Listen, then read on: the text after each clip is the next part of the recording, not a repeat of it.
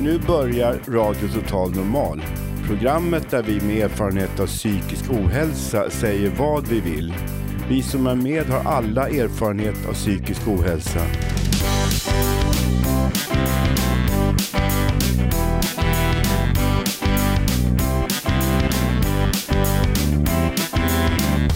Du lyssnar på radio Total Normal. 101,1. Total Normalt. Radio Total Normal, torsdagar från två till halv fyra. Vi livesänder med publik från Götgatan 38 i Stockholm. Kom hit och lyssna. Här är alla röster lika värda.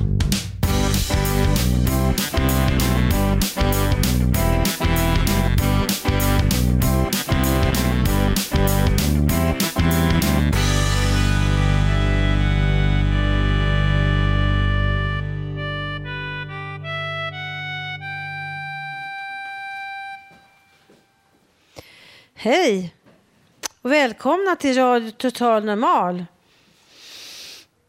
Idag är det torsdag den 21 oktober, mitt i hösten. Det är lite kuligt ute, tycker jag. Och Ursula och Yrsa har namnsdag. Grattis till alla er som har namnsdag idag. Idag får vi besök, här celebert besök av Arvid Lagerkrans. Han har skrivit en bok som heter Mitt galna liv.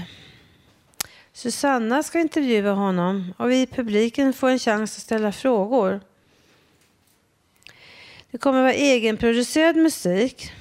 Hasse Kvint har varit aktuell för årets melodifestival. Och han är här och ska framföra en sång med hösttema. Jag som är programledare idag heter Erika Malmsten. Très bien. Nu kör vi igång programmet.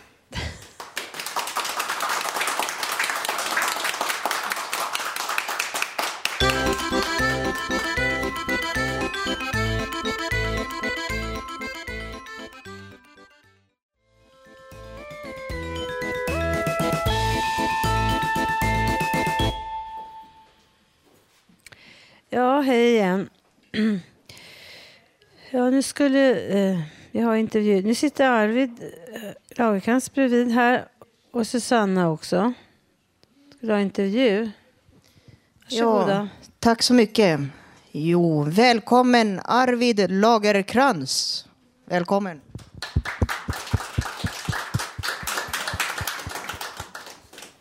Tack så mycket. Ja, eh, jag var ju och lyssnade på dig eh, via föreningen Balans med eh, Hanna här, radioproducenten. Eh, det var väldigt intressant. Du pratade om din eh, nya bok, memoarer och eh, om din bok. Vill du berätta om den? Ja, jag fick ett förslag från ett förlag som heter Lind Company att jag skulle skriva om min sjukdom, psykiska sjukdom. Och eh, det hade jag väl inte riktigt tänkt. Det är inte alltid man får frågor från ett förlag utan det brukar ju vara svårt att få göra böcker. Men jag undersökte om jag hade något material och jag konstaterade att jag hade sparat alla brev som jag hade fått. Och alla brev som jag hade skrivit hade jag tagit kopia på. Och så var det då mina sjukjournaler. Och sen jobbade jag med det här i ett år och då blev det en bok. Och den heter då Mitt galna liv. En memoar om psykisk sjukdom. Intressant. Du har ju också arbetat i Sveriges Radio. 30 år och varit vd på Sveriges Radio och arbetat i Sveriges Television som en en av de tyngsta reportrarna på Sveriges Radio. Hur upplever du när du jobbade där och samtidigt eh, erfara eh, av eh, din psykiska ohälsa? Ja, det är ju så att den här sjukdomen som jag har som kallas eh, bipolär sjukdom idag, tidigare manodepressiv sjukdom, den eh, går ut på det viset att man eh, är sjuk under en period och sen är man helt frisk. Så att jag har haft sammanlagt 12 inläggningar på psykiatriska kliniker eller mentalsjukhus Och sen har jag då varit frisk mittemellan. Och ibland i flera år.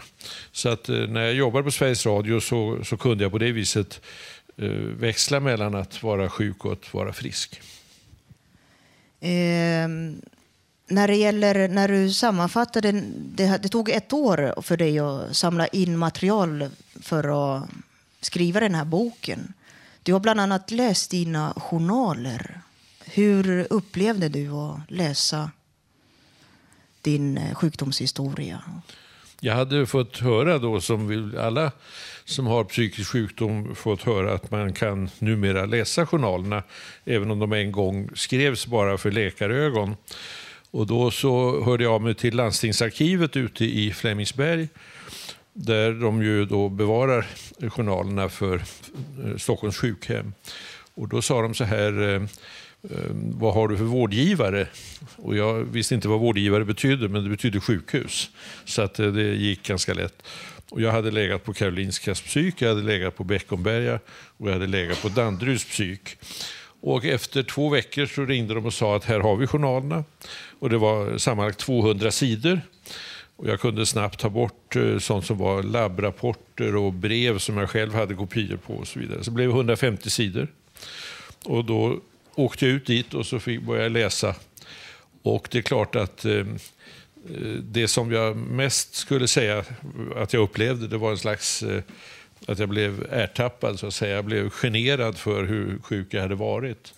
Här stod det ju i detalj hur jag hade uppträtt vid olika tillfällen. Och, eh, jag tyckte att det var lite jobbigt.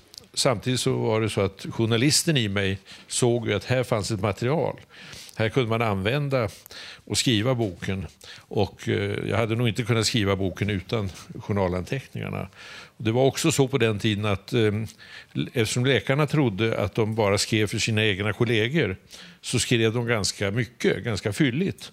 Eh, de skrev vad mina föräldrar berättade om mig. Att jag, min pappa skrev att, hade sagt att jag var nog lite labil redan från min ungdom. Och min mamma sa att jag var en liten klumpeduns och så vidare. och så vidare. Det var inte så kul att, att höra allt det där. Men eh, jag började skriva och eh, till slut blev det den här boken. Då. Intressant. Jag har själv läst, för att ha en inlägg, jag har själv läst mina journaler av egen begäran. Jag vet inte om det är så vanligt att eh, man som patient vet om att man har sina rättigheter och läsa sina journaler. Jag har läst 16 års eh, vad heter det, journaler, så det är väldigt bra att veta, liksom, tycker jag. Det är, det är, bra att veta att man får göra det, men en läkare hade sagt till mig att det där ska du inte bry dig om, det, är, det har du ingen nytta av, det är ingenting som, som gynnar dig. Men sen när jag skulle skriva boken då så började jag läsa och jag tycker att det gynnade mig därför att jag tyckte att jag kunde se ett mönster i när jag blev sjuk, eh, när, när jag hade eh, jag pressade mig själv till olika saker och fick en stress och detta utlöste sjukdomen. Och eh, det tycker jag att jag hade nytta av. Du har eh, angående boken, du har eh, bland annat intervjuat din fru. Hur hon upplevde dig i sämre dagar. Hur kändes det att intervjua din fru bland annat? Ja, det var ju så att jag tyckte då att, att jag skulle ha ett anhörigperspektiv i den här boken. Ett tag övervägde jag också att försöka få tag i den läkare som jag mest hade kontakt med. Men det tänkte jag att läkare de, de har fått uttala sig så mycket så att det viktiga var med det här anhörigperspektivet. Och då så funderade jag på om min fru skulle eh, skriva ett eget kapitel. Men då tyckte jag samtidigt att då blev det plötsligt hennes bok. Så då hittade jag på att eftersom jag har intervjuat mycket eh, som journalist så tänkte jag då, då sätter jag på bandspelaren och så, så samtalar vi om det. Och det blev första gången egentligen som vi pratade generellt om min sjukdom. Och det var en ganska stor händelse för oss båda tror jag. Och samtidigt så var det en lite generande sak för mig för att eh, det visade sig att jag hade egentligen aldrig tänkt särskilt mycket på henne utan jag hade tänkt på mig själv. Och eh, jag vet inte, ni som sitter här i Fountain House kanske känner igen det att man, man är, när man är sjuk så pass självupptagen så att, så att man tänker inte på andra personer. Och eh, det får jag då skamset eh, medge att så var det. Och det säger hon då att det, eh, det ingick i din sjukdom och eh, det, det är bra att du nu i alla fall har förstått hur, hur jag led och hur svårt det var för mig att samtidigt ha en liten son och så försöka få dig att äta medicin eller få dig till läkare och så vidare. Va? Och det var alltså en oerhört eh, besvärlig tid för henne. Jag förstår. Ehm, du har haft en tvillingbror också, ehm, Nils, som eh, tog livet av sig när han var 21. Hur känns det idag och hur, upp det, hur, hur tänker du kring det idag? Och så? Ja, det är väldigt konstigt därför att när vi var 21 år så, så tröttnade han på livet och eh, gick upp på Katarinahissen här i Stockholm och kastade sig ut. Och eh, dog ju omedelbart. Och, eh, det där har förföljt mig så att jag blir fortfarande rörd när jag tänker på det trots att det är mer än 40 år sedan. Och, eh, Eh, vi var en rätt stor syskonskara. Mina halvsyskon var fem stycken och min eh, tvillingbror då, och sen en helsyster också. Så vi var åt, jag, är, jag är min pappas åttonde barn. Men, men det hindrar inte att nu, nu är nästan alla borta utom min helsyster. Och eh, när jag sitter här på Fountain så kan jag ju berätta för er att min, en av mina halvsyskon var Lisa Asklund. Så att, eh, det är välkänd här i, i denna miljö. Just det. Din halvsyster startade ju stiftelsen Fountain House här 1980, så det är jättespännande att du är här. Ja, hon var väldigt engagerad i, i eh, de psyksjukas eh, förhållanden och, och, och naturligtvis intresserad också av Fountain House. Och det var ju faktiskt så att, att henne, att minnesstunden eh, som vi hade istället för begravning när det gällde Lis då, den skedde här på Fountain House. Kul att höra. Vad heter det? Det, det pågår ju en kampanj som regeringen har tagit fram, Järnkoll. Ett tvåårigt projekt vad jag förstår som eh, utbildar bland annat också attitydambassadörer av Handisam eh, och eh, har en samverkan med NSPH, eh, Nationell samverkan för psykisk, psykisk hälsa. Det är en satsning för att eh, försöka bryta den här stigmatiseringen kring psykisk ohälsa i samhället. Vad tycker du om att eh, riksdagen har tagit fram en sån här kampanj? Jo, det måste man ju tycka är bra. Samtidigt så är det klart att eh, det går nog inte i en handvändning med en kampanj att ändra på så grundläggande eh, fördomar och attityder som, som vi har när det gäller oss psykiskt sjuka. Men det är klart att, ehm, och namnet, det, ska ju alltid vara ett namn då man ska hitta på någonting och det här järnkoll är, ju inte precis det allra bästa uttrycket. Det låter ju som om det bara var en hjärnfråga, alltså om, om man skulle vara sjuk eller inte. Men, eh, men i vilket fall som helst så, så, eh, så har man satsat, då, jag tror 25 miljoner på, på två år och det betyder då att, eh, att, att det kan bli någonting av det här. Och det som jag framförallt tycker är bra det är det att eh, de som leder den här kampanjen de har insett att för att vi ska kunna övertyga människor eh, och ändra attityder så ska de som själva, alltså vi själva som har de här problemen berätta om det. Och då har man, var man lite undrande om man skulle få fram så kallade attitydambassadörer. Alltså personer som själva har erfarenhet som skulle berätta om detta. Och Det visade sig mycket lättare än man hade trott. Så under tre månader fick man fram 400 människor i Sverige som har erfaren, egen erfarenhet från psykisk ohälsa och som då berättar i medier, vid seminarier, i olika sammanhang om, om hur de har uppfattat det här. Och det tror då den här kampanjledningen att det är det effektivaste sättet att ändra på attityder och, och, och, det- och det tror jag är riktigt. Och Det finns alltså ett ökat intresse. Så min bok kommer här eh, som av en händelse samtidigt med det här. Jag tror att det har att göra med att, att förlaget var lite vaket på, på att de här frågorna är mer intressanta idag för allmänheten än de har varit. Jättekul. Eh, intressant med din bok också. Syftet med den här kampanjen är också att det ska vara acceptabelt att säga att jag mår inte bra idag, jag mår dåligt. Det ska vara lika acceptabelt som att säga att jag bröt stuka foten, jag bröt foten. Det ska inte vara något konstigt med det. Så jag hoppas verkligen att det, det har ju skett förändringar, men det krävs mer. Alltså.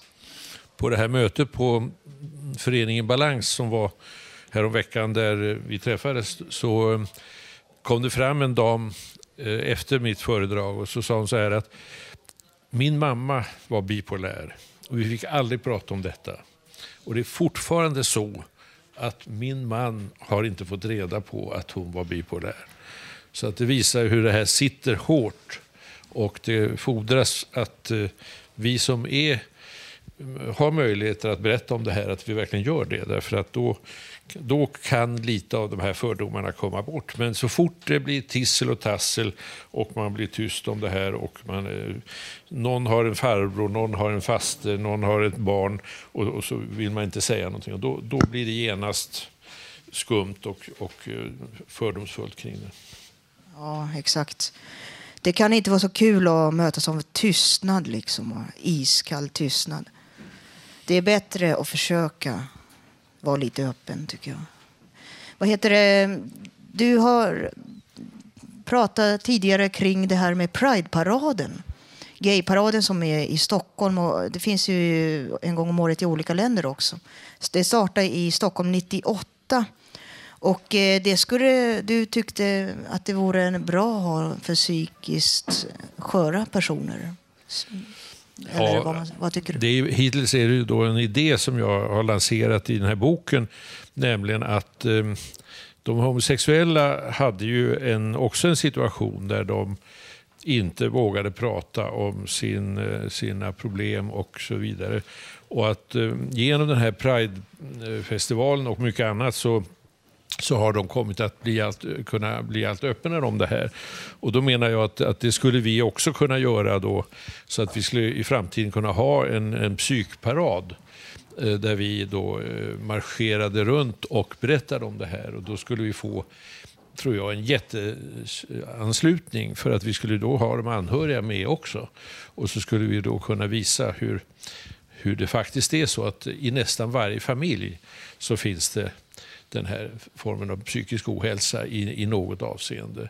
Och eh, jag tror att för många som har det här så är det jobbigaste inte själva sjukdomen utan eh, just det här tisslet och tasslet kring det här och att man inte vågar berätta om det. Och det är det som är det stora lidandet. Så alla lyssnare angående Arvid Lagerkrans förslag, kom med förslag, intressen till www.radiototalnormal.se angående Arvids idé om en eventuell parad för oss med psykisk ohälsa och erfarenhet liknande. Jag tänkte höra, få lite publikfrågor här och eh, då ska vi se här. Varsågod Janne. Jag heter Janne Holmbring och jag har varit sjuk i psykiskt så gott som hela mitt liv. Jag tror jag blev insjuknad när jag var ett och ett halvt år gammal. Jag hade fått i mig, ja det är sant, jag hade fått i mig alkohol av misstag och det var, jag låg och lull, min stora syster Barbro kom ihåg det för hon var två år äldre. Och sen efter det så har jag haft en väldigt besvärlig barndom. Jag var väldigt rädd. Jag var rädd för en grammofonskiva, Harry, Harry, Lime. Och så jag har jättejobbig barndom. Och eh, jag gick i skolan då när jag var sju år. Det var, jag satt på lektionen där och jag var på, det var liksom då, det låter lite larvigt, men, men då hade vi så kallad rolig timme och då fröken berättade sagor. Jag var liksom, satt och lyssnade, kissade på mig. Då skämdes jag, fick jag gå hem då. Va? Och sen var jag orolig också, det hade hänt, jag blev utsatt för en pedofil när jag var 8, 9, 10, ja, någonting sånt där. Och han satt, eh, bjöd mig på glass, det var i Tylösand eh, Tylöhus och han eh, eh, svartnade. Jag fick glas, han satt och slickade sig och så bjöd han glass i en glasskål och så fick jag antagligen en glasbit i munnen för en åder gick ju sönder. Jag fick syra. Det svartnade för ögonen så fick jag liksom en trauma. Och sen eh, massvis med trauma. Jag blev en ful gubbe, Walter i Österrike. Han, Ja, men han, han, han, ja, men han eh, förgrep sig på mig och så där höll det på. Va? Sen blev jag psykiskt sjuk och allt det där till slut, tror jag, på riktigt, 18 års ålder. Och nu ska jag bara säga, jag ska ställa en fråga här till Arvid Lagercrantz. Vet du själv vad som orsakade din sjukdom? Är det någonting sånt där?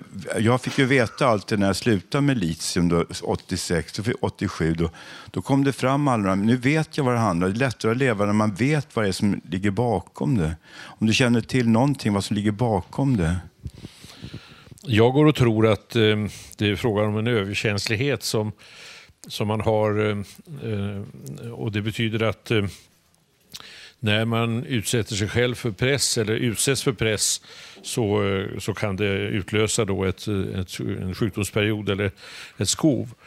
Men jag tror inte att jag kan svara på eh, varför jag har den här överkänsligheten. Utan jag tror att det är helt enkelt så att, att det är min, min hjärnkemi som, som gör detta. Och Det är därför då som det går att använda olika former av medicin. Så att jag äter ju litium då sen 60-talet och eh, sen tar jag ju till då andra neuroleptika då när jag blir dålig och försöker att hejda eh, uppgångar. Jag skulle bara vilja säga att jag tycker det verkar som en jättebra idé det här med parad för psykisk, eller ja, människor med psykisk ohälsa, vilket är så himla mycket mer utbrett än vad man kan tro.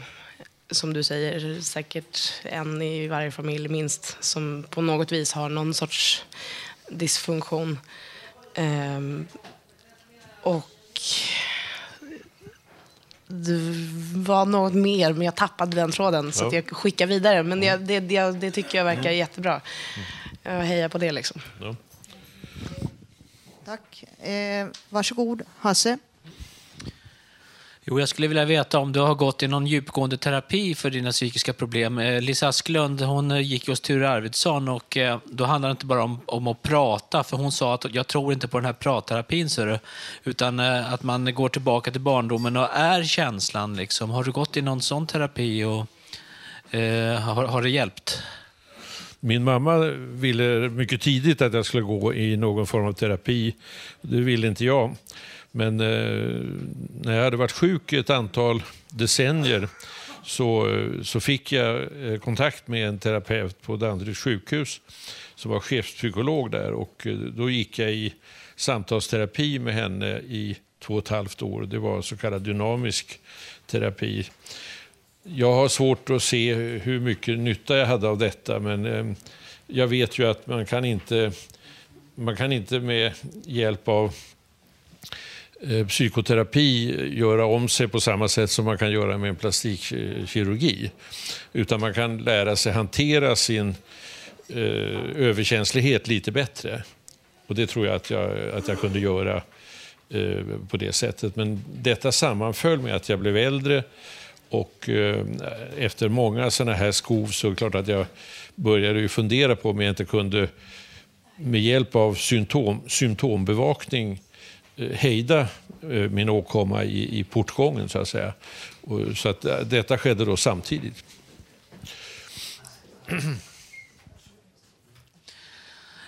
Ja, tack så mycket för de svaren. Men jag undrar, är det inte så att jag har gått i terapi hela mitt vuxna liv och jag tycker ibland att det hjälper inte riktigt utan att det handlar om vad man gör i arbetet, sitt, sitt yrkesliv som liksom resultatet av det är att leva, liksom, att arbeta och göra konstruktiva saker. Ja, då är du inne på livsfilosofi och, och sådär. Det är klart att, eh, att visst är det oerhört viktigt att kunna uträtta någonting och göra någonting. Och jag tror alltså inte, eh, för min del i alla fall, att, att psykoterapi är så eh, är allomgivande. Men det är klart att jag, jag, tycker ändå att jag hade en del nytta av den. därför, därför att jag fick lite grepp om Eh, Eh, att jag hade varit så, så rädd och så, så haft så mycket eh, ångest och så. Men, men jag använder helst uttrycket överkänslighet för jag tycker att det är det som, som ger bästa förklaringen. Alltså att man har i sin kropp en överkänslighet och sen utlöses detta på grund av olika omständigheter. Och, eh, och då eh, så får man då problem och därför så måste man då försöka undvika de där psykologiska omständigheterna. Ja, då har vi dig. Varsågod, det är sista frågan här. Varsågod. Hej, uh, mitt namn är Muzammel Haq och jag har varit sjuk en längre tid. Och det är jättebra att du har skrivit en bok och den ska komma ut. Men jag tänkte bara fråga, vet du att det har blivit försämring i psykvården? De har skärt ner en hel del och eh, jag hoppas att du har tagit upp det också. Liksom, man kan inte göra en patient bättre om det finns inte tillräcklig resurs. Och den här den här politiken som just nu pågår i Sverige, det är jättedålig för psykisk liksom, ohälsa. Det måste du ta upp och jag vill veta hur mycket du vet om det där. Tack. Jo, jag tror att vi alla vet att eh, psykvården är eftersatt och att det är ibland ganska svårt att eh, få hjälp. Samtidigt så eh, finns det ju ett ökat eh, utbud och eh, mediciner som, som är effektivare idag än, än förr. Men, men egentligen är det ju så att de mediciner som vi får, det är ju samma mediciner sedan 50-talet. Och så är det ju inte inom kroppssjukvården, utan där har ju hänt mycket mer. Så att, visst vet jag att, att det är på det viset. Samtidigt får ni tänka er att min, min svåraste sjukdomsperiod ligger en bit tillbaks i tiden. Jag har kunnat mer och mer hantera min sjukdom eh, eh, på, på ett sätt som, som jag inte kunde göra tidigare. Och, eh, jag har en intressant eh, synpunkt som jag kan säga till slut och det är att den läkare som jag går hos nu, hon säger så här att du kommer inte att bli psykotisk därför att när du nu är över 60 år så är dina allmänna förmågor att göra allting mycket försämrade. Också din förmåga att bli sjuk.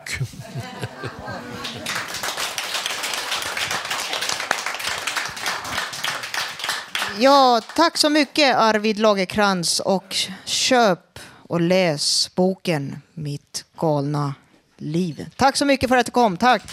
Tack ska ni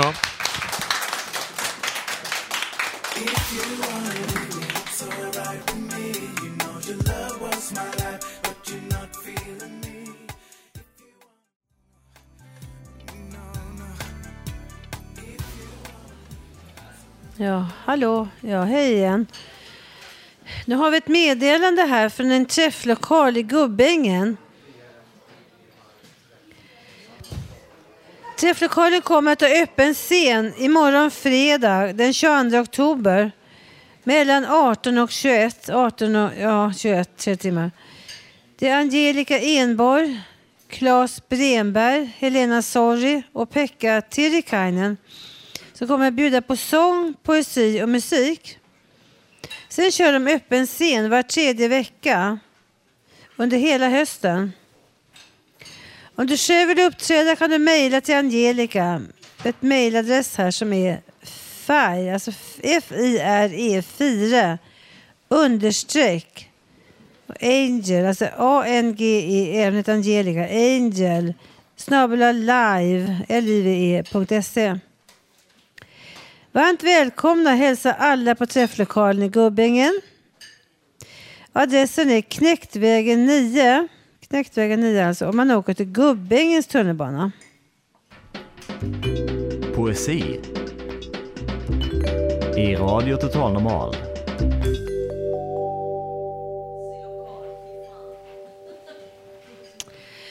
Ja, nu hade vi poesijingel och då ska komma lite dikt av vår trevliga medarbetare som heter Ulf. Kommer här, du Ulf Torell.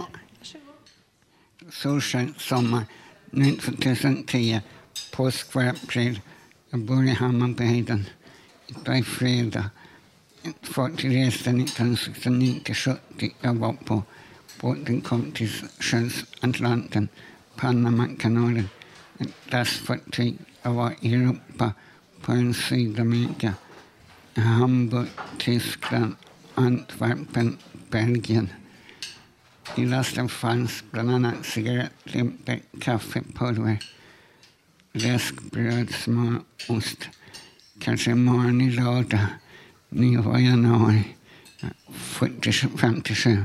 Igår torsdag, vindblåser och fredag 15 oktober.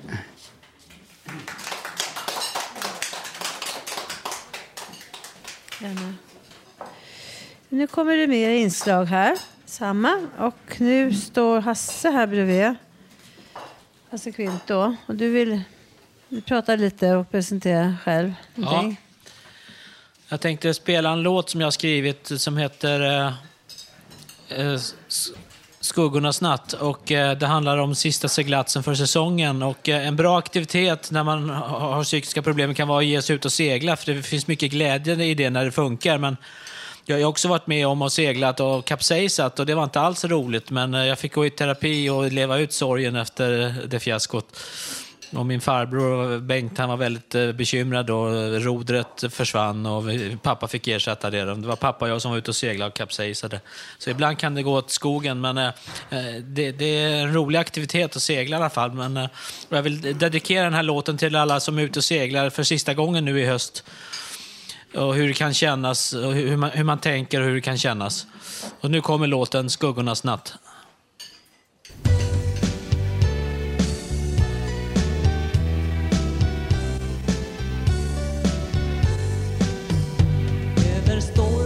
Friska vatten går den sista seglatsen. Hösten nalkas och vindarna blir kalla. Nordan piskar och viner Seglen slår som tamburiner. Och gula höstlöv har redan börjat falla. Det är sista seglatsen för säsongen för denna gången. Mörkret spelar mig ett spratt. Det är skuggornas natt. I min längtan till havet är jag fången. Mörkret spelar mig ett spratt. Det är skuggornas natt. I min längtan till havet är jag fången. Som ett gift i min kropp seglar jag med ett hopp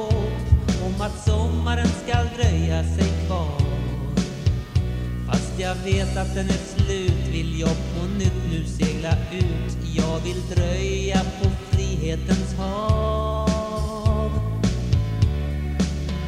Det är sista seglatsen för i år. Jag tar adjö och mot hamnen. Sakta nu går mörkret spelar mig ett spratt. Det är skuggornas natt. Jag har börjat min väntan Mörkret spelar mig ett spratt Det är skuggornas natt. Jag har börjat min väntan på vår. Mitt hav är min enda frihet. Det enda jag säkert vet. Jag vill segla på vida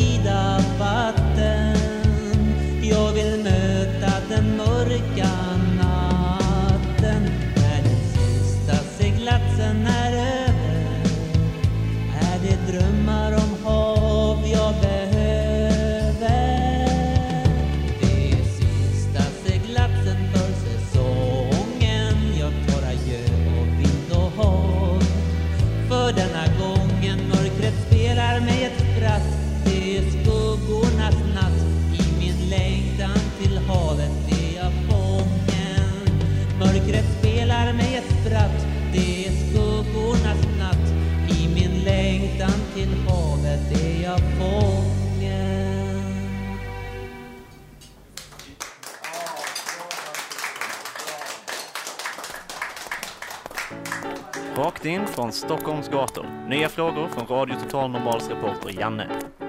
Ursäkta, får jag ställa en kort fråga?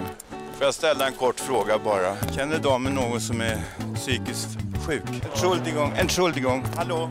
Entschuldigung. Guten Tag. What your language you speak? Russian? Ah, eh, Hur gör du för att få må bra?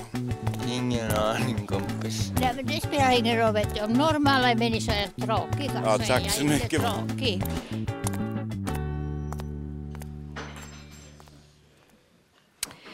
Ja, nu har det blivit dags för Janne på stan igen. Ett kärt återhörande för oss. Janne har ju varit reporter för UR, Utbildningsradion, ett längre tag för deras inspelning med tv-serien Inferno. Vet det kommer ikväll igen på Kunskapskanalen klockan 21. Repris söndag, söndagar klockan 22 i TV1.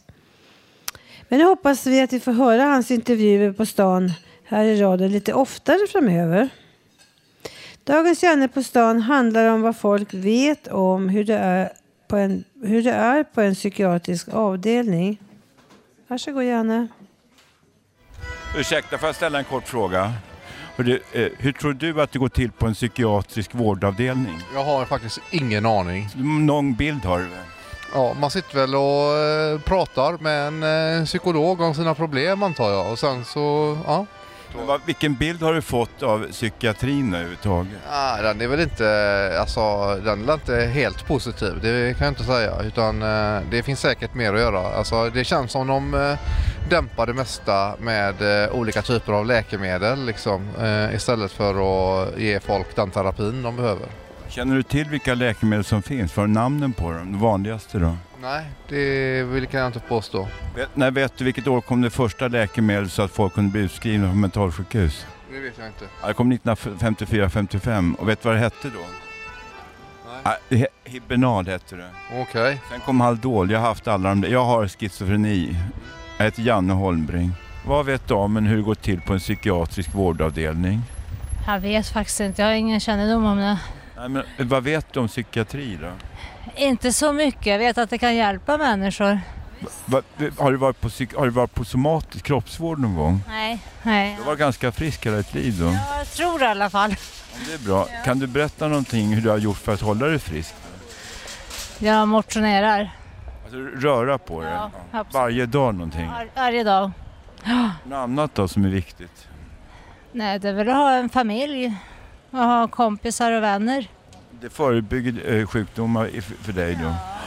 Lycka till då! Tack, tack så mycket. Hej då, hej då. Jag frågar alltså, vad vet du hur det går till på en psykiatrisk vårdavdelning? Nej, inte det minsta. Men eh, känner du till vad psykiatri innebär? Ja, det är Vad, vad då? då? Är det då? Att vara psykiskt sjuk är det väl? Att man... Ja, men är, är du frisk? Jag är frisk. Men vad vet du om psykisk sjukdom överhuvudtaget? Ja, det är väl någon slags störning i... En rubbning i hjärnan. Vad vet du om, om hur det går till på en psykiatrisk vårdavdelning? Ingen aning. Vi vet ingenting om psykiatri. Vet du vad psykiatri är? Ja, knappt. Ja, och, och nu hinner jag inte... Nej, tack så jättemycket för svaret. Tack, tack då, hej. hej. Hur det går till? Jag har inte så jättebra koll på hur det går till. Man träffar en psykolog. Ja, Det är inte säkert man gör det, kan bara säga. Och Du då, vet du någonting? Nej, jag har faktiskt inte. Vad är det för bild av psykiatrin då? Eh, jag vet inte, den, den kanske inte är så jättebra. Jag tror kanske inte att den funkar så där som den ska direkt, vad jag har hört. Men jag vet faktiskt inte hur det går till. Vet du hur det går till på en psykiatrisk vårdavdelning? Berätta vad du vet. Ja, jag vet ganska mycket om det. Berätta någonting vad du vet själv. Ja, en del personal är bra, en del inte lika bra. Helt Men menar du, hur ska du göra själv då för att det ska bli bättre då? Kan du bidra själv med någonting så att det blir bättre? Var en bra exempel, vissa vänlighet och sånt där. Vet du hur det går till på en psykiatrisk vårdavdelning? Det är mycket medicinering och tung medicinering och det är, det är ganska våldsamt. Jag vet absolut ingenting. Och du, vet du någonting? Ingenting. Jag har ingen aning. Okej, tack så mycket för svaren. Ja, Okej, hej då. Ja, alltså via media så vet jag ju, har jag sett hur det går till. Va? Men jag har ingen egen, har jag, jag har inte varit själv på en psykiater och hälsat på någon eller så. Nej, Men, eh, är det skamligt att ha en psykisk sjukdom? Nej det tycker jag inte. Nej, Är det skamligt att ha varit på en psykiatrisk vårdavdelning? Nej definitivt inte. Nej. Vad tror du går till nu för tiden? Är det bättre eller sämre nu? Jag hoppas att det är bättre. Jag tror att det är bättre. Ja, tack så jättemycket. Vad heter du för namn? Inger heter jag för namn. Ja, det är jättetrevligt namn. Ha det bra. Nej, hej, hej. Vad vet du hur det går till på en psykiatrisk vårdavdelning? Hur det går till alltså? Men jag har ingen aning. Jag har ingen, men är du från Sverige från början? Är USA eller? Nej, jag kommer från Nigeria. Finns det psykiatri i Nigeria? Ja, många. Är det bra där? Kan man få hjälp där? Um, ja, men medicin, det är jättedyrt. Det kostar mycket pengar. Har alla människor råd med mediciner då? Ja, det kostar jättemycket. In... Alla har råd alltså? Ja, alla har råd att gå till sjukhus men det finns inga pengar att betala på medicin. Men ibland de kan få hjälp, men det beror på vilken eh, eh, eh, sjukdom. Men psykisk sjukdom, jag vet att det är jättesvårt behandling. Så det tar tid. De behöver att ta medicin för en längre tid. Så det, de kan inte betala, så det, så det är jättesvårt. Okej, tack så jättemycket. Tack, tack, tack. tack. Hej då. Vad har du för bild av en psykiatrisk, hur det går till på en psykiatrisk vårdavdelning?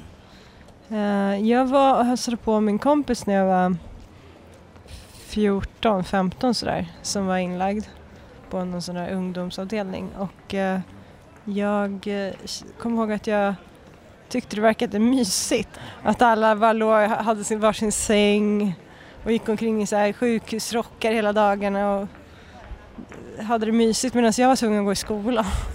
Du var avundsjuk på det.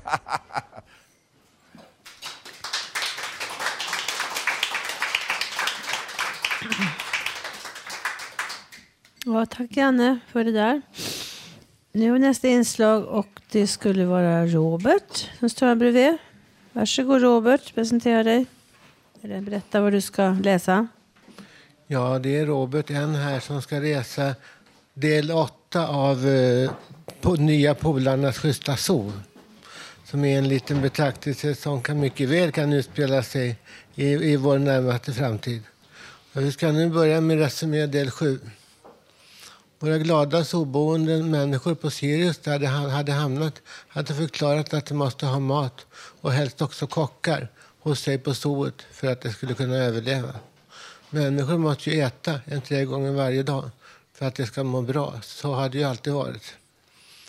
Sen att ha sex var ju en fördel om en människa får, får ha detta. Det är inte helt livsavgörande. Men det är en fördel om det som ska para sig har ungefär samma ålder och att det inte är så mycket skillnad uppåt eller nedåt i åldrarna. Och eh, sedan ska det ju, ska ju även ömsesidigt tycke uppstå. Werner och Werner som nu skulle få förmånen att åka iväg med ett rymdskepp, de stora kockarna från Café Opera, som de, skulle färdas med detta rymdskepp för att komma till sin nya hemplanet Sirius. Då, då våra glada människor som bodde där då ville ha, ville ha ett par kockar. Så på, på, på Sirius satt då, kvar, satt då Rickard H och Maggie T kvar och väntade otåligt på de kockar som skulle komma och laga den mat som, alla, som de alla skulle leva på. Nu kommer det för, fortsättning del åtta. De satt i skeppet, hade bara stjärnornas kalla ljus som redde ut sig runt dem och deras rymdfartyg. Man får ju förstå dem om de var rädda. Att bara sitta där med bara någon meter mellan sig och den absoluta nollpunkten där inget levande kunde leva. Det kan väl bara kallas fruktansvärt. Werner och Werner från Operabaren stod vid, vid en spis och lagade ost och skinkomelett. 4 000 ton potatis, sade Werner. Kunde det inte ha haft lite bättre, lite bättre fantasi? Ja, vi får nog skörbjugg innan vi- innan vi ens hunnit starta till mål, stava till måltid, sa Werner. Jo du Werner, men det är väl som det är. Inte får- har väl vi sådana pretensioner på vad vi får äta. Sedan tjurarna, kos, kossorna, kunde vi inte se till att det får, får, får, får små kalvar så kan, vi, så kan vi fortsätta som det har varit. Det kunde vi kanske, sade Werner. Kanske det. Jo, men visst, men man kanske inte kan korsa hönorna med grisarna exempelvis. Eller kan man det? Vet inte. Vad blir det? Pigs in space? Flying pigs in space? Nu var du lodig, Werner. Jo, du, Werner, det var jag. När vi kommer fram så kanske det tror att tjurarna och inte vi som är det ledande hos oss. Hur ska de veta detta? Det går nog inte, Werner, trodde Werner. En ledande ras måste kunna manipulera sin omgivning. Det måste till och med de förstå. Kan de inte det så vet man inte vad man ska tycka. Kossorna, hade är inga armar och händer. Nu får vi se vad det blir, trodde Fögeli. Jo, det får vi nog. Vi får nog se. Under tiden satt, satt i en helt annan del av skeppet aliens själva och där hade de ett symposium. De skulle ha diskussioner om vad det var för djur och varelser som de hade upptäckt. Människorna kallade sin ledande ras, sa- sade varelsen som stod där framme vid podiet. Det har varit mycket primitiva förr i, förr i åren tidigare i sin, upp, upp, i sin utveckling. Det är samma ledande ras som måste skilja skilda beteenden som att, som att äta upp varandra och att ha den godtyckande, godhetsstyrkande lära som de kallar kristendom. Man kan, man kan säga att det som karaktäriserar deras ras är deras skilda beteendeflora. Alla möjliga beteenden och liknande flödar ut kring det faktum att det, att det kan utvecklas och att det vill och, och kan få det bättre och bättre hela tiden. Det utvecklas och det har en kultur och det kan manipulera sin omgivning. Sedan måste det, man, sedan måste det låtas få fortsätta att utvecklas och tillåtas, och tillåtas att få finnas kvar om det bara går att åstadkomma. Sa det en av aliensgubbarna. Alla tänkande varelser måste kunna fortsätta, fortsätta att få finnas. Intelligensen är ju enligt gammal lag hos oss helig, sade den gröna mannen främst längst fram vid podiet. Man såg hur en av de små gröna männen såg omkring sig runt, runt ut på skeppet. Han sade till sin polare. Nu, nu börjar vi närma oss. Bara några timmar kvar, sedan är vi hemma. En av dem som stod och pratade i vad som måste ha varit deras motsvarighet till en mobiltelefon. Han såg sig ut, ut från fönstret och så sa det. Ja, nu ser man Sirius. Efter allt kuskande för mig fram och tillbaka börjar man veta var man är när man är där man är. Ja, då får vi se hur du lyckas med att få våra kockar och andra att utvecklas. Tack för oss här på rätt igen. Tack, hej hej.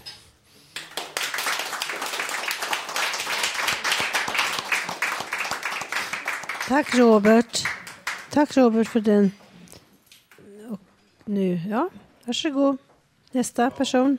Ja, hej. Nu är det Mr X här igen. Och eh, jag talade förra gången om vad som händer när läkare mår dåligt och kanske missbedömer sina patienter. Och nu tänkte vi att vi skulle ha lite mer publikdiskussion om det. Men jag känner till själv tre personer som jag träffat som är läkare då.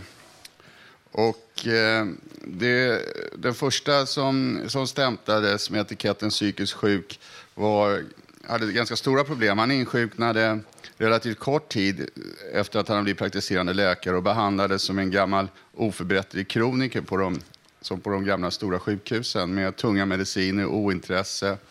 Och när han beskrev sin föreställningsvärld så, om vad som hade orsakat hans insjuknande så var man inte intresserad av att diskutera det med honom. Men ibland så kunde en del läkare behandlas, behandlade honom bättre för att han ansågs vara en kvalificerad akademiker och hade större insikt än de andra patienterna. Men ofta blev han betraktad som utvecklingsstörd.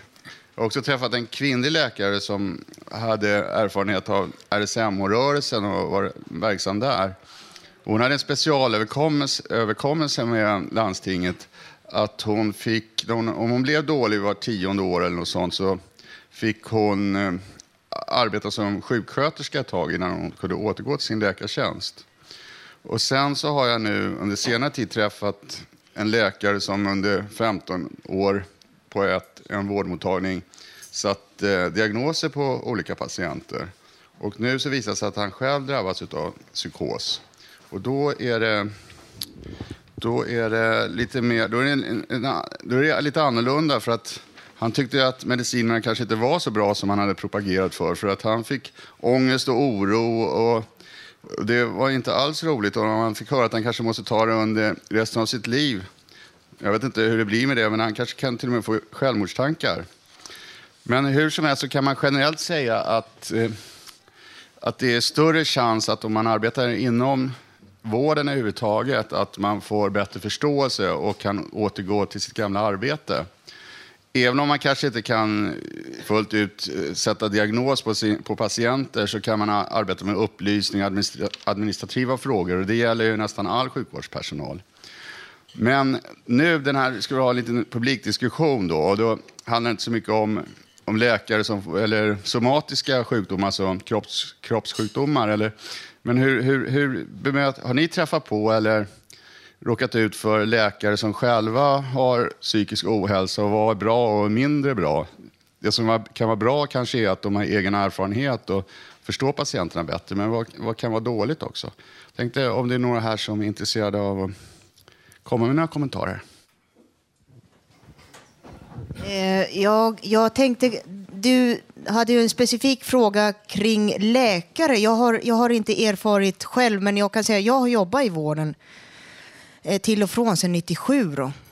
Eh, och eh, när jag började på ett servicehus som vårdbiträde Då, när jag jobbade kväll en gång så lyssnar man ju av när man har kvällspassen, telefonsvaren på det då.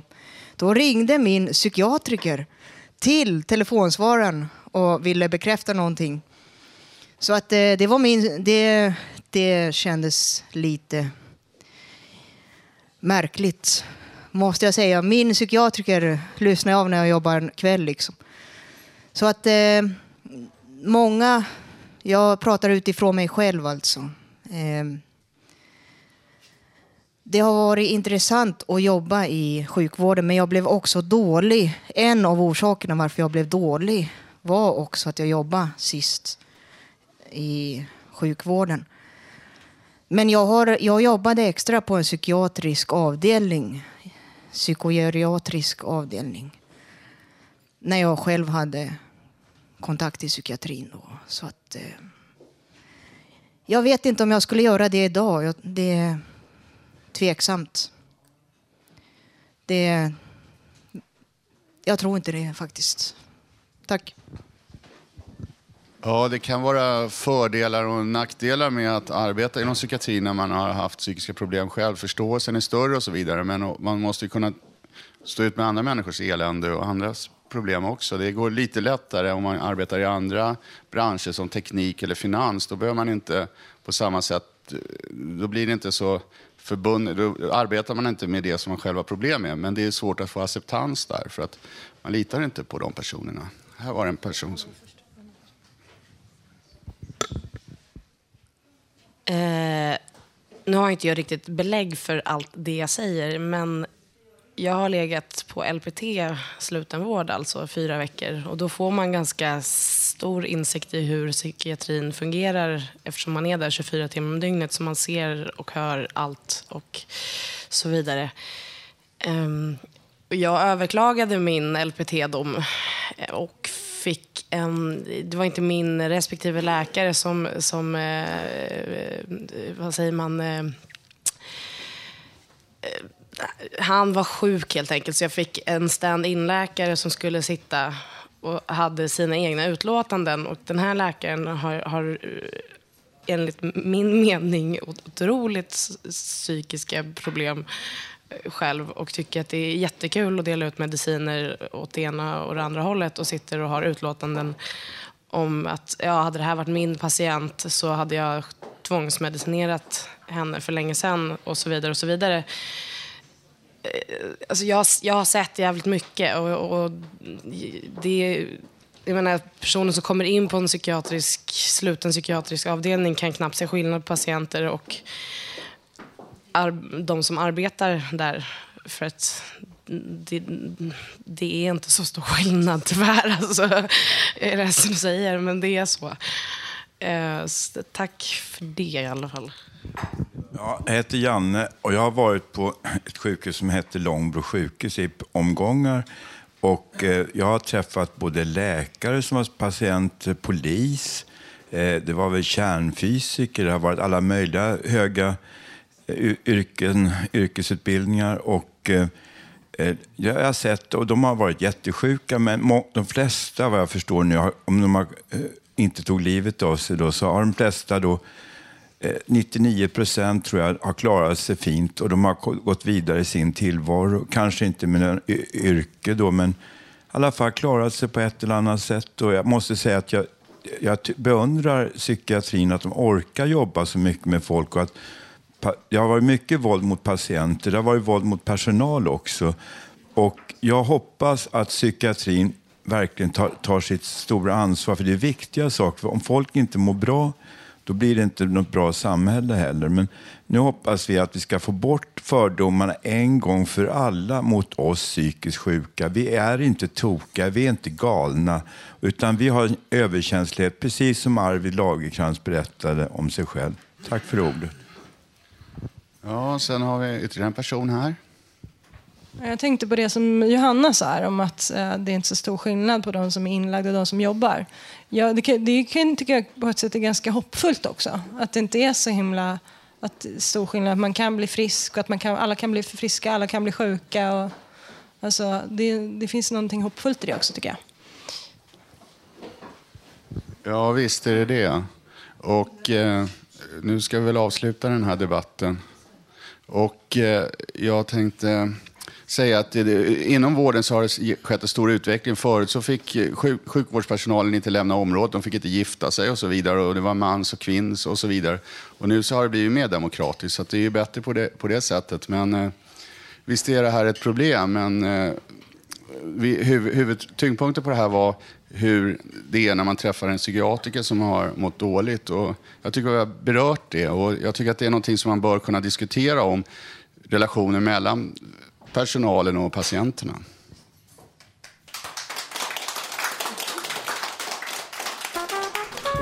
Hösttips från Radio Total Normal. Att eh, ta vara på hösten nu och gå på kurser och ha roligt. Tänk på att, att man ler mot varandra för smile is contagious. Man ska vara ute och ta tillvara början av hösten för då är det fortfarande fint. På slutet av hösten är det väldigt deprimerande. Basta kanske, mysigt krypa in i en varm bastu. Mitt bästa hösttips är att ta det lugnt. Alltså bara för att det är höst och allting blir stressigt, man försöker hålla sig lite lugn. Glad höst! Glad höst! Ja, hallå, nu kommer vi tillbaka här igen. Efter den här diskussionen. Och nu skulle det ett nytt inslag här. Det är Siv så Strand. Du skulle komma, varsågod och presentera dig själv. Du skulle läsa. Ja, det var Siv Strand här. Hej. Och nu kan jag inte låta bli när vi pratar om läkare. Så är ju en stolt mamma som har en dotter som går, har, har börjat på läkarlinjen nu. Och när vi har pratat också om det här att det är svårt att tala om sjukdomar och tystnaden så har jag och min dotter börjat eh, prata mycket mer öppet om det. Och eh, ja, det är inte så farligt längre. Innan hon eh, började studera, då var det tyst liksom. Det var sjukt. Mamma är sjuk, va? det får man inte berätta om. va. Men hon säger ju att mamma är ju frisk ibland också. Hon har, ja, det har blivit något av vår vardag. Mamma är sjuk ibland och mamma är frisk ibland. Och vi tar promenader. Och, ja, det är inte så konstigt längre. Och hennes pappa är läkare också. Vi var gifta i 11 år. Och det jag tycker om läkarutbildningen, den är väldigt teoretisk. Och det är korvstoppning. Och de har nästan inte chans att pusta ut någon gång. Va? Så att ibland tycker jag synd om läkarna. Men nu ska jag skriva någonting som jag känner när livet känns svårt. Och när jag har kommit hit och ser alla leenden och alla som klappar mig i ryggen efter en svår tid, då känner jag, åh herregud vilken tur att ni finns alltså. Men nu så heter det här, jag trivs bäst i soffläge. jag har inga snygga skor. Och usch för Silja Line. Nej, vad ska jag göra idag? Jag står inte ut. Jag har ingen fantasi. Jag tar en Imavane och sover ut. Åh gud, så skönt att slippa livet. Jag vaknar klockan fem. klockan sex är det rapport. Jävlar också, jag skulle ha gått stavgång förstås idag. Men jag missade det igen. Jaha, vad ska jag göra nu då? Ja, jag gör väl som vanligt, läser kokboken. Jag har ju en flik där. Kaloritabellen heter den. Och då står det, hur mycket kalorier är det i ett glas vin? Mm. Det kan pigga upp. det är nog dags att ta det efter en liten tupplur. Jag tar ett glas till. Oj, oj, oj. Nu börjar bli, livet börjar bli lite roligare i alla fall. När stänger bolaget? Klockan sju. Nej, nu jäklar får jag bråttom. Nu köp en flaska rött. Och sen blir det soffläge igen.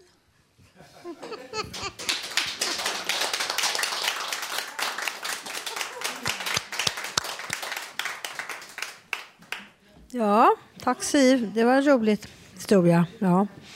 Nu har vi ytterligare inslag. Då kommer Jonny. Varsågod. Tack så mycket.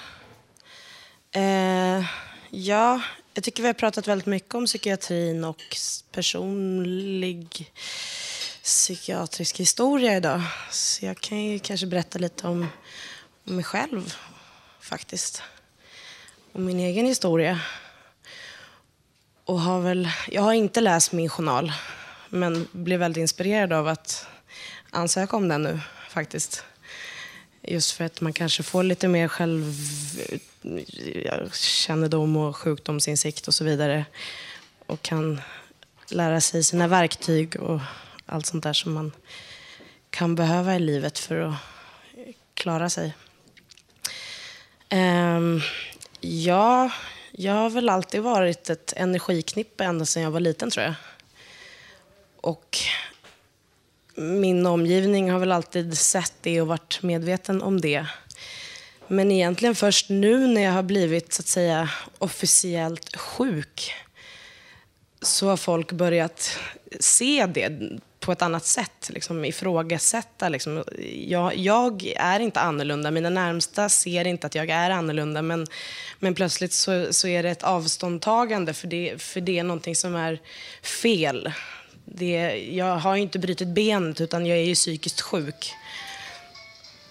Ja, nu ringer det. Ingen fara. Så att det...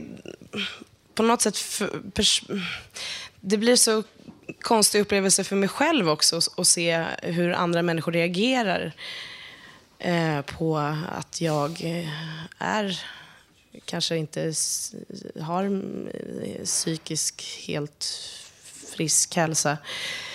Ehm, nu var i och för sig mitt senaste utlåtande från min läkare att jag är frisk och jag har en, personlighets, en grav personlighetsstörning från födseln.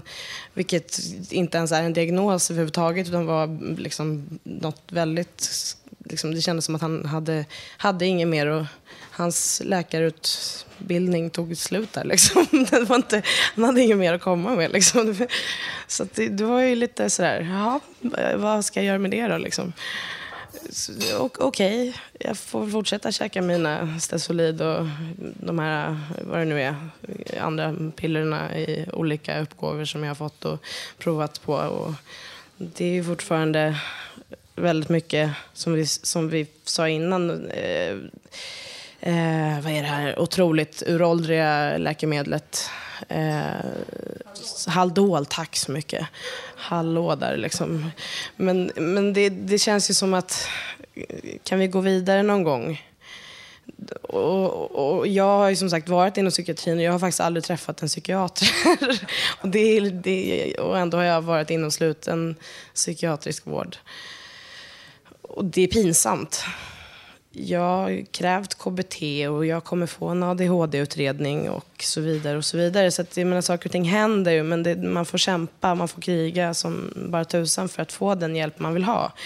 Och det är verkligen inte alla som får det, för det är många som är psykiskt sjuka har inte den energin och den kraften att göra det. Nu har ju jag den gudagåvan att ha den familjen som jag har som har verkligen mm, stått och bankat på de stora portarna för att få mig dit vart jag är idag. Och nu har jag fått en bostad till och med och det är helt fantastiskt. Jag är så lycklig som man kan vara. Men nu tror jag att jag är en av de lyckligt lottade av alla mm, psykiskt sjuka i samhället.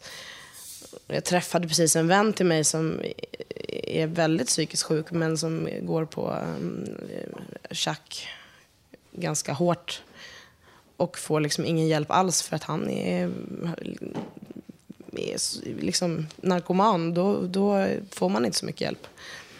För att han självmedicinerar helt enkelt. Vilket jag har gjort under nästan alla år. som jag har levt tills nu. Och nu får jag ju medicin som är laglig, så att säga. Eller knark, eller vad det nu ska kallas för. För jag tycker egentligen inte att det är så stor skillnad. Enda skillnaden är att det är jävligt mycket tråkigare att gå på mm, Haldol eller på mm, Superexa än vad det är att, att ta ett glas rött. Liksom. Ja. Det har jag aldrig provat. Vad är det för någonting? Förlåt, vi måste ha mikrofon för att kunna ha, eh, för att kunna ha en, en dialog här tror jag.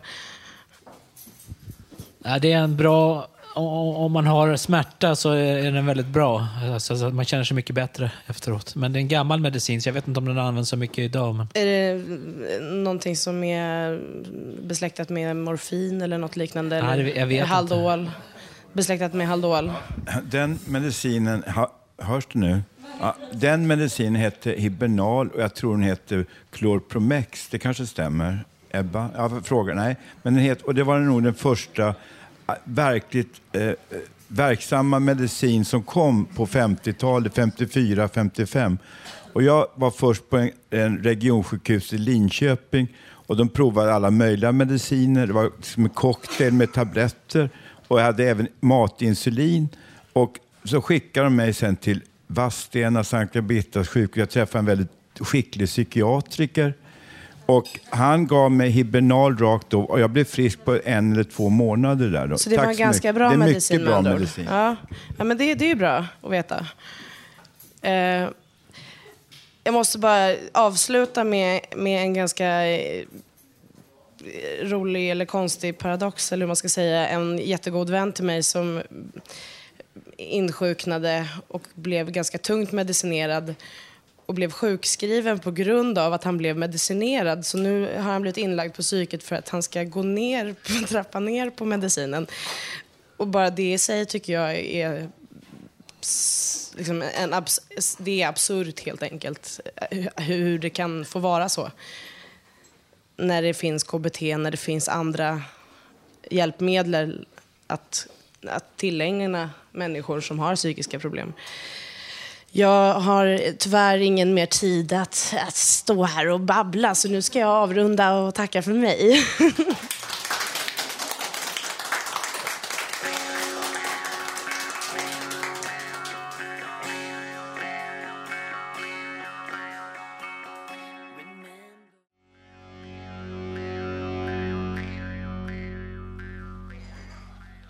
Ja, hej igen. Jag har ett inslag med Håkan Eriksson. Han läser. Varsågod Håkan.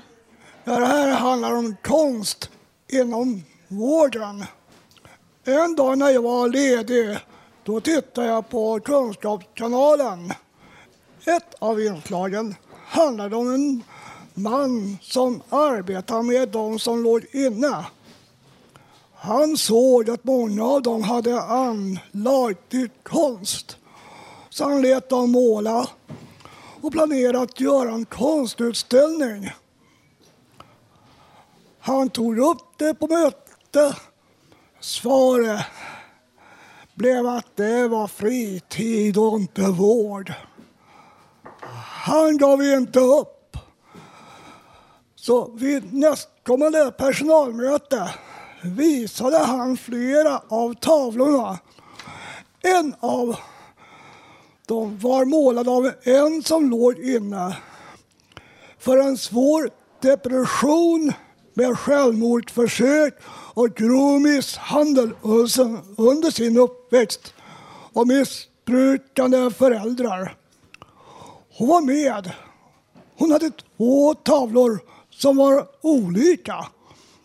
De visade hur hennes liv hade förändrats i vården. Den första var bara mörka färger. Och den andra var ljusa, likt man kom ur en mörk tunnel. Hon ställde en fråga. Om dessa kunde hjälpa till. Ett snabbare sätt att bli frisk, om det kunde ingå som friskvård, den, som terapi. Slutet, det slutar alltså som en saga med ett bra slut. nu mer ingår den terapin i friskvården. Tack för mig, Håkan Eriksson.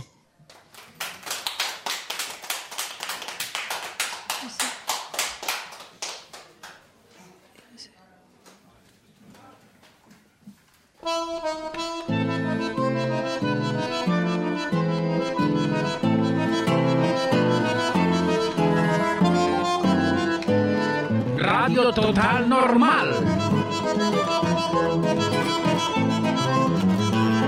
Sänder över la galaxia.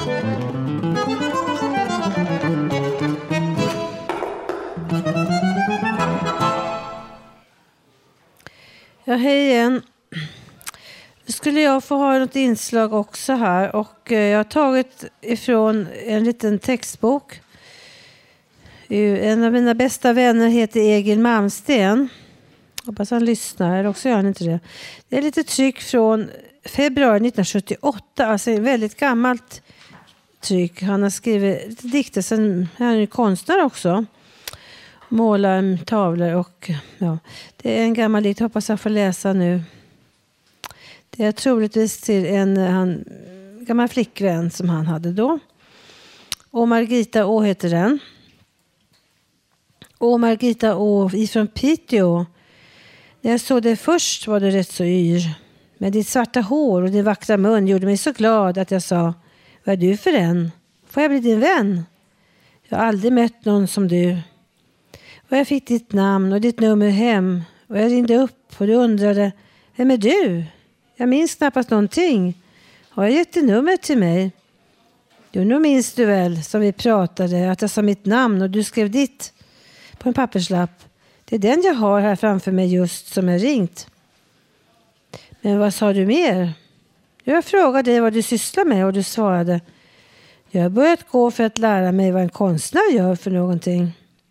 Och jag visste, jaha. Var det du som sa att du tyckte jag såg konstnärlig ut? Jag satt ju där på tavernan när du och din kamrat kommer in. Jaså, du såg oss, mig och Ingert då, när vi steg in och där och bänkade oss. Några killar kom fram och satte sig och vi snackade på och drack öl. Men det är ändå visst en rörelse. Hur man bär sig åt när man snackar på. Och när jag såg dig visste jag med ens att du var min vän och kamrat. Och Margita och ifrån Piteå. Hela Norrland syns i din mörka blick. Dina lockars svall är från fäbodvall och din vita hy är som snö. Men ditt temperament är från Söderns land och Rafael, Rafael är din hand.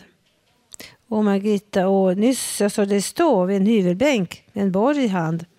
Se, vad ska det bli? Jo, ett litet skåp att ha saker i. Det går åt.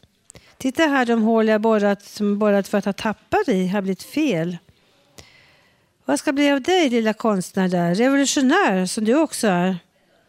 Vad du redan är ska du också förbli. Modig, stark och kär, skön och fri. Men en skål av björk vill jag slöjda dig. I december mörk ska det fröjda mig. Och för, vart, för varje spån som far bort i vrån tänker jag på dig jag har kär. O Margita, å, genom köld och brand vi tillsammans gå till ett bättre land. Där är någon träl skall för herrars väl slita ut sin kropp och sin själ. Och Margita, å, till ett bättre land vi tillsammans gå hand i hand. Jag säger också det att det här är inblandat som hans far Carl Malmsten har gjort mycket kända möbler. Det har någonting inblandat med att tillverka möbler. Ja, kan jag få läsa en dikt till? Är det tid? Inte av honom utan ifrån en gammal släkting till mig. Hon heter Harriet Lövenhjelm. Jag har läst tidigare saker. Jag hittade en diktbok här. Apropå Östen och jakt på, allmän jakt på helgar och allt vad man jagar. Har hon en dikt som heter Jakt på fågel. Och det är lite, hon är känd för den här bland annat. Det är tre verser. Det är gammaldags. Hon dog 1918 i obotlig tuberkulos. Och jag har träffat hennes bröder för länge sedan. Ja. Hon heter så här, Jakt på fågel. Taliho, taliho, jag har skjutit en dront. En dront har jag skjutit med luntlåsgevär. Då solen rann ned mot en blek horisont och havet låg blankt mellan öar och skär. Då bolmade rök i en luft som stod ljum och rymden var som ett ekande rum där skottet skallade fjärran och när. Jag har skjutit en dront, jag har skjutit en dront. Mina bröder stod upp av en märkliga ro. Vi kunde väl aldrig tänkt något sånt i krasse, förkrumpna och sena att tro. Han var stor, han var brun och han skrek som ett barn och vingarna klapprade på som en kvarn. Som på en kvarn, ja. Då han föll till det rum där som fiskarna bo. Jag har skjutit en dront, jag har skjutit en dront och nu går jag till byn där som bröderna bo. Nu vänder jag åter, men tom är min kont jag ropar ej mer taliho, taliho. Och jag talar väl ej om det undret som skett. Jag känner er väl, i han för mig belett i krasse, förkrumpne och sene att tro.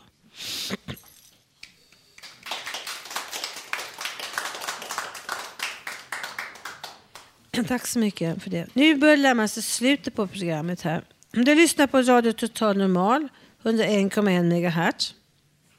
Har ni missat något i dagens sändning så gå in på vår hemsida www.radiototalnormal.se. Där kan du lyssna på programmet i efterhand. Producent idag har varit Hanna Samlin. Projektledare Bodil Lundmark och ljudtekniker Gustav Sondén. Musiken är vald av Håkan Eriksson. Och jag som har varit programledare jag är Erika Malmsten. Löven faller nu ja, och det är frost om nätterna. Det ska snart komma snö. Man får akta sig så man inte trillar och slår sig. Hörrni, köp broddar så klarar du halkan bättre. Det ser lite löjligt ut men det skyddar bra. Så avslutar vi dagens sändning och vi hörs och ses nästa vecka igen, vännerna. Hej då!